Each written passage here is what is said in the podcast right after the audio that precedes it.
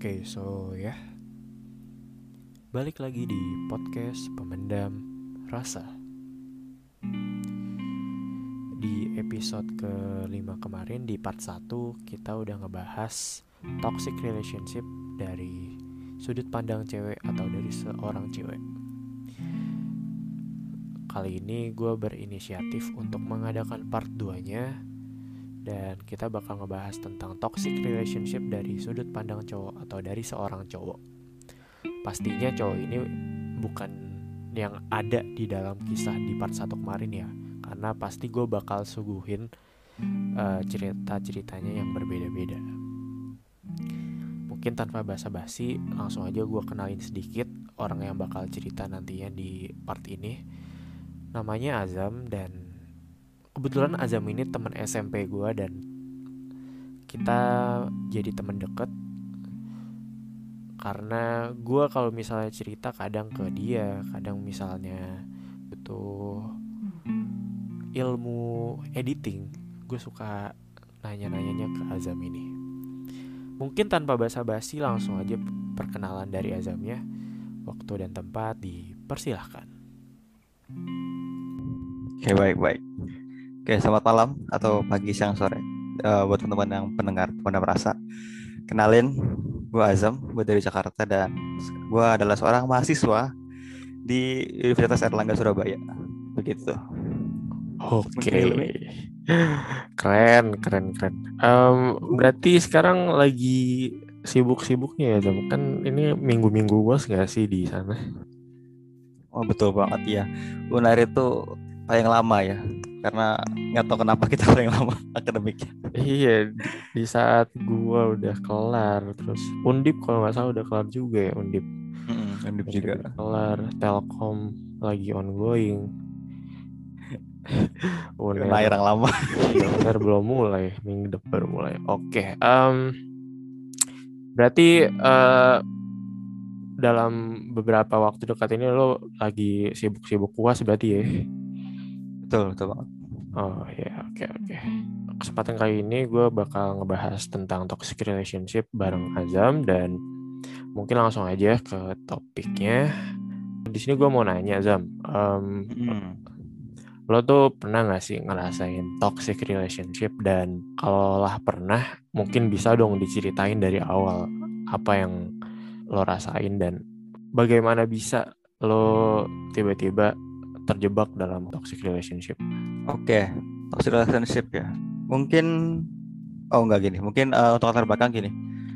Sebenarnya pembahasan ini sangat awal dan sangat sangat muda ya, gue bisa bilang karena kejadian itu baru banget semester 1 masuk di ini sih Unair.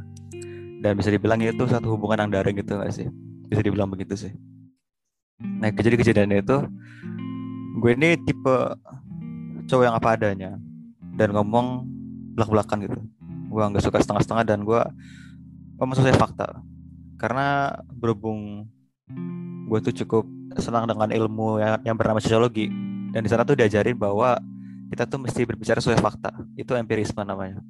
Dan gue setuju sama pola pikir begitu dan ya gue mengaplikasikan itu dalam kehidupan gue nah datang nih semester satu pas baru baru banget masuk air gue dekat gitu sama cewek ya karena kan gue sebagai ketua kelas ya bisa dibilang gue tuh cukup aktif anaknya dan gue pengen banget mencari informasi buat teman-teman gue gue jadi ketua kelas untuk dua periode semester dua juga jadi ketua kelas. Jadi waktu semester satu itu cukup deket sih. Dia kebetulan dia juga orang menjabodetabek di Bekasi ya. Ya sebut saja namanya uh, sashimi lah. Namanya sashimi ada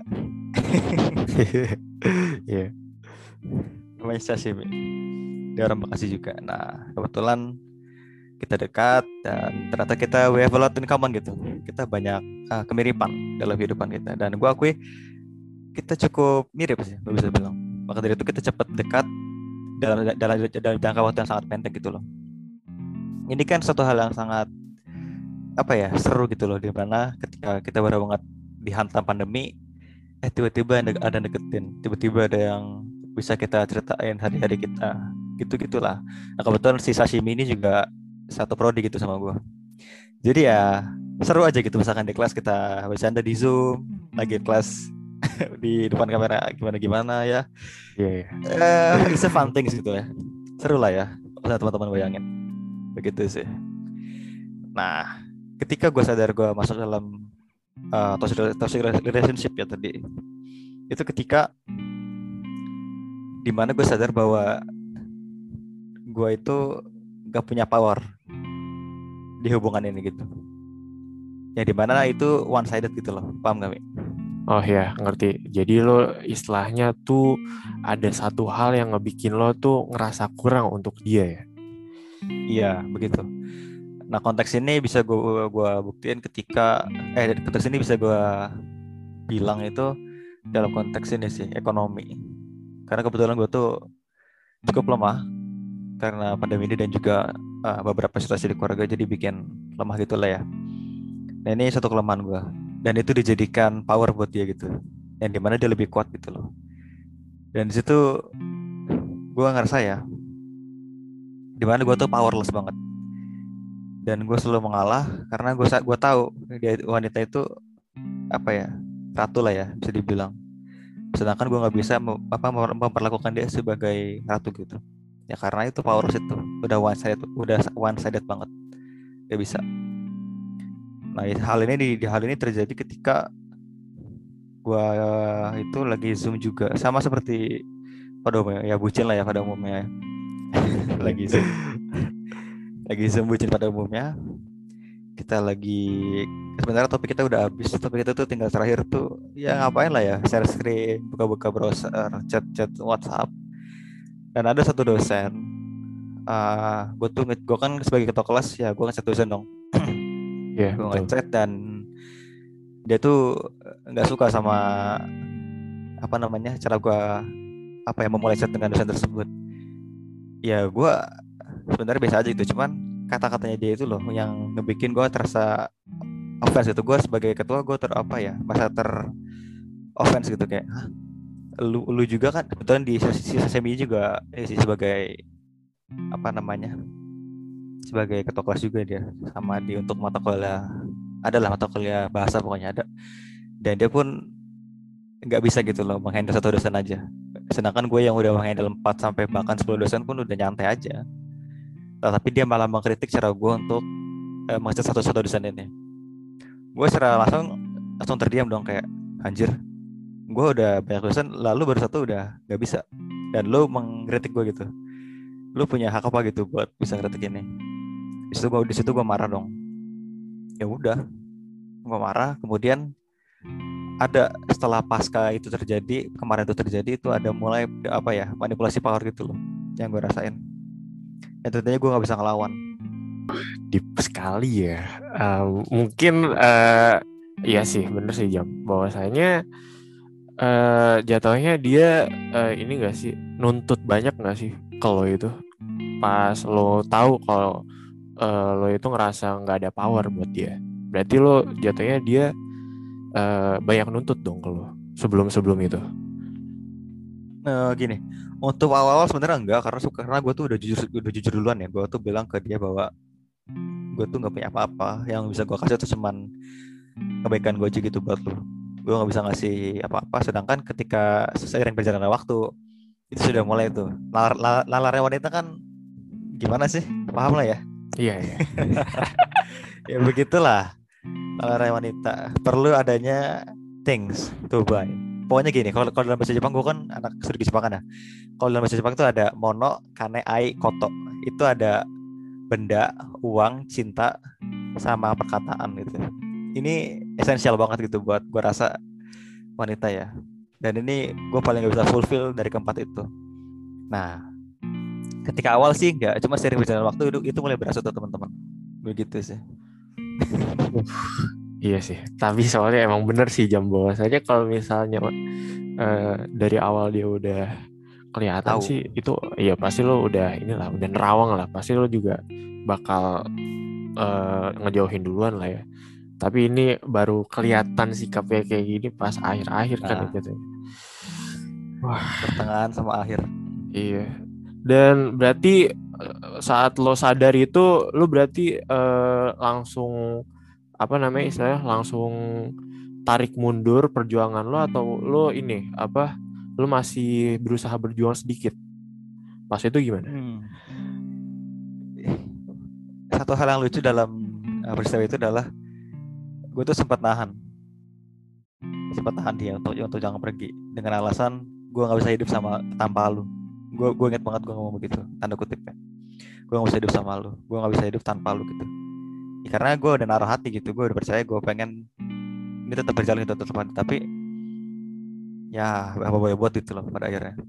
Dan itu sudah keluar semua kayak gue nggak bisa jam uh, karena kan gini gue tuh ngomong dia sama dia juga bahwa gue tuh nggak bisa buat topik gue tuh udah lama banget gak pacaran dari apa nih SMA kelas satu kayaknya terakhir itu pun udah ini sih semacam kayak FBB gitu bukan relationship pasti gitu maka gue gua sebenarnya gua, salah gue juga sih gue tuh gue bebanin banget ke dia untuk segala hal entah itu ekonomi ataupun uh, berhubungan. Itu, itu itu juga salah sih gak bisa bilang. Tapi ya ya kan gue udah bilang apa adanya. Kalau misalkan lu nggak kuat ya udah kita udah aja. Cuman gak gini caranya gitu loh.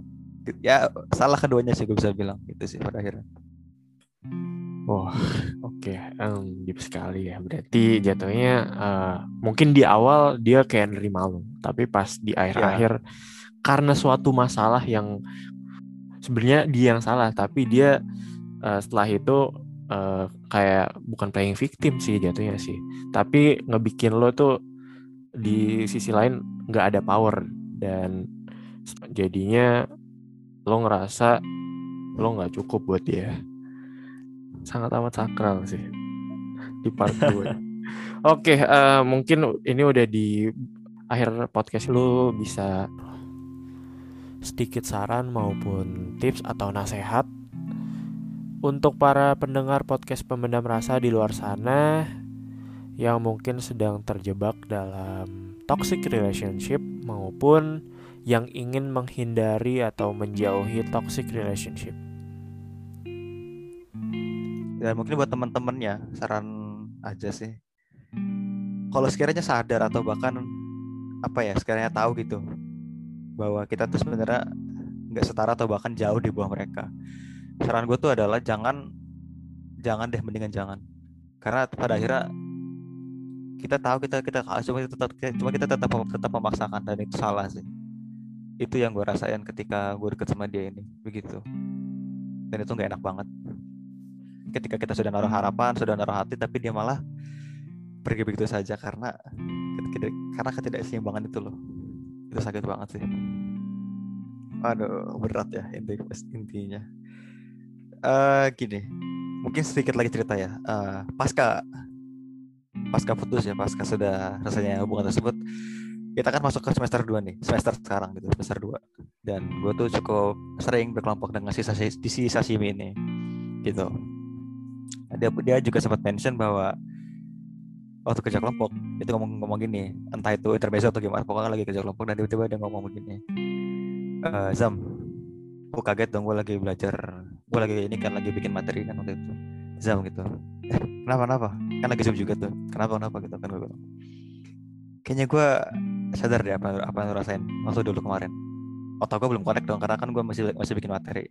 Ah apaan sah enggak kayaknya gue ngerasain aja kayak uh, situasi lu dulu waktu ngadepin gue sama gue sekarang ada yang yang, gue dapin sekarang gitu. Oh gue kaget dong. Dan setelah gue pikir-pikir lagi setelah selesainya uh, apa namanya kerja kelompok itu mungkin bisa disimpulkan bahwa karma itu beneran ada gitu. Apa yang kita lakuin sekarang buat orang lain itu bakal itu bakal balik lagi ke kita gitu. Waktu itu kita sebagai manusia ya diusahakan itu jangan sampai apa ya melempar negatif gitu ke orang lain atau bahkan membuat negativity gitu ke orang lain. Karena ya nah, karma itu ada dan itu nyata gitu buat teman-teman yang belum percaya gitu. Gue pun juga bisa bilang hal yang sama karena ketika gue mendapat kebaikan itu malah makin baik gitu orang-orang sekitar gue dan bahkan ketika gue meninggalkan sisa SIM ini itu kan tentunya kan kita saling menebar negativity ya nah serang, dan sekarang setelah pasca itu semua gue kan makin sering berinteraksi gue makin sering ngobrol sama orang-orang banyak makin sering ya do good do good thing lah gitu loh pada akhirnya. Dan it never ends gitu. It, it never ends it, it just never end gitu loh sampai sekarang gue bisa bilang. Ya kenapa? Karena karena kita terus menebar kebaikan itu bakal balik ke kita. Maka dari itu percayalah bahwa negativity itu bukan kunci untuk kepenangan dan kebaikan itu adalah apa ya suatu hal yang bahkan bisa dibilang infinity gitu kalau misalnya kita terus menebarnya begitu sih Mi. wow uh, sangat amat apa ya istilahnya sangat amat dalam ya bahwa dengan lo menebar kebaikan ke orang-orang uh, dengan sendirinya nantinya orang-orang itu bakal baik lagi baik juga kalau dan iya sih hmm. bener sih Dam. karena bener kata lo bahwa saya negativity itu bukan kemenangan untuk seseorang soalnya ya mungkin orang-orang yang kayak gitu ngerasanya mereka udah nggak punya power buat uh, istilahnya buat memper menang dirinya sendiri. Jadi mereka memakai hal-hal negatif yang lo yang ada dalam diri lo untuk uh, menyudutkan lo, untuk memperburuk citra lo di depan orang-orang dan iya sih itu benar banget. Wah, oke. Okay. Uh, eh, mungkin uh, di podcast kali ini itu aja. Uh, gue sangat amat berterima kasih kepada lo Zam karena udah banyak banget inti yang bisa kita ambil banyak uh, pelajaran yang bisa kita ambil bahwa uh, toxic relationship itu terkadang uh, bisa muncul karena adanya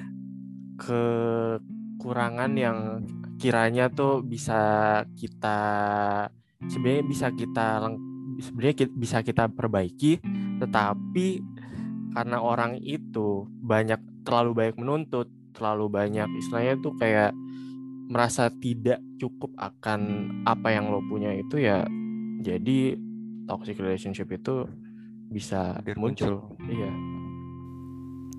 so ya yeah. Mungkin di episode 5 serba-serbi toxic relationship di part 2 ini gue cukupkan ini aja uh, gue sangat amat berharap kalian di luar sana diberi kesehatan selalu dan diberi kekuatan selalu untuk menjalani hidup ini. Karena seperti yang kita tahu bahwa kasus COVID-19 di Indonesia sangat lagi tinggi-tingginya, sangat meningkat. Jadi gue harap kalian di mana pun kalian berada selalu menjaga protokol dan selalu menjaga jarak karena seperti yang kita tahu itu semua menjadi salah satu kita untuk memutus rantai COVID-19 di Indonesia ini. Dan gue harap kalian selalu meminum vitamin atau istilahnya apa pun itu yang membuat imun kita uh, menjadi kebal untuk melawan COVID-19. Uh, mungkin itu aja dari gue. Akhir kata, wassalamualaikum warahmatullahi wabarakatuh.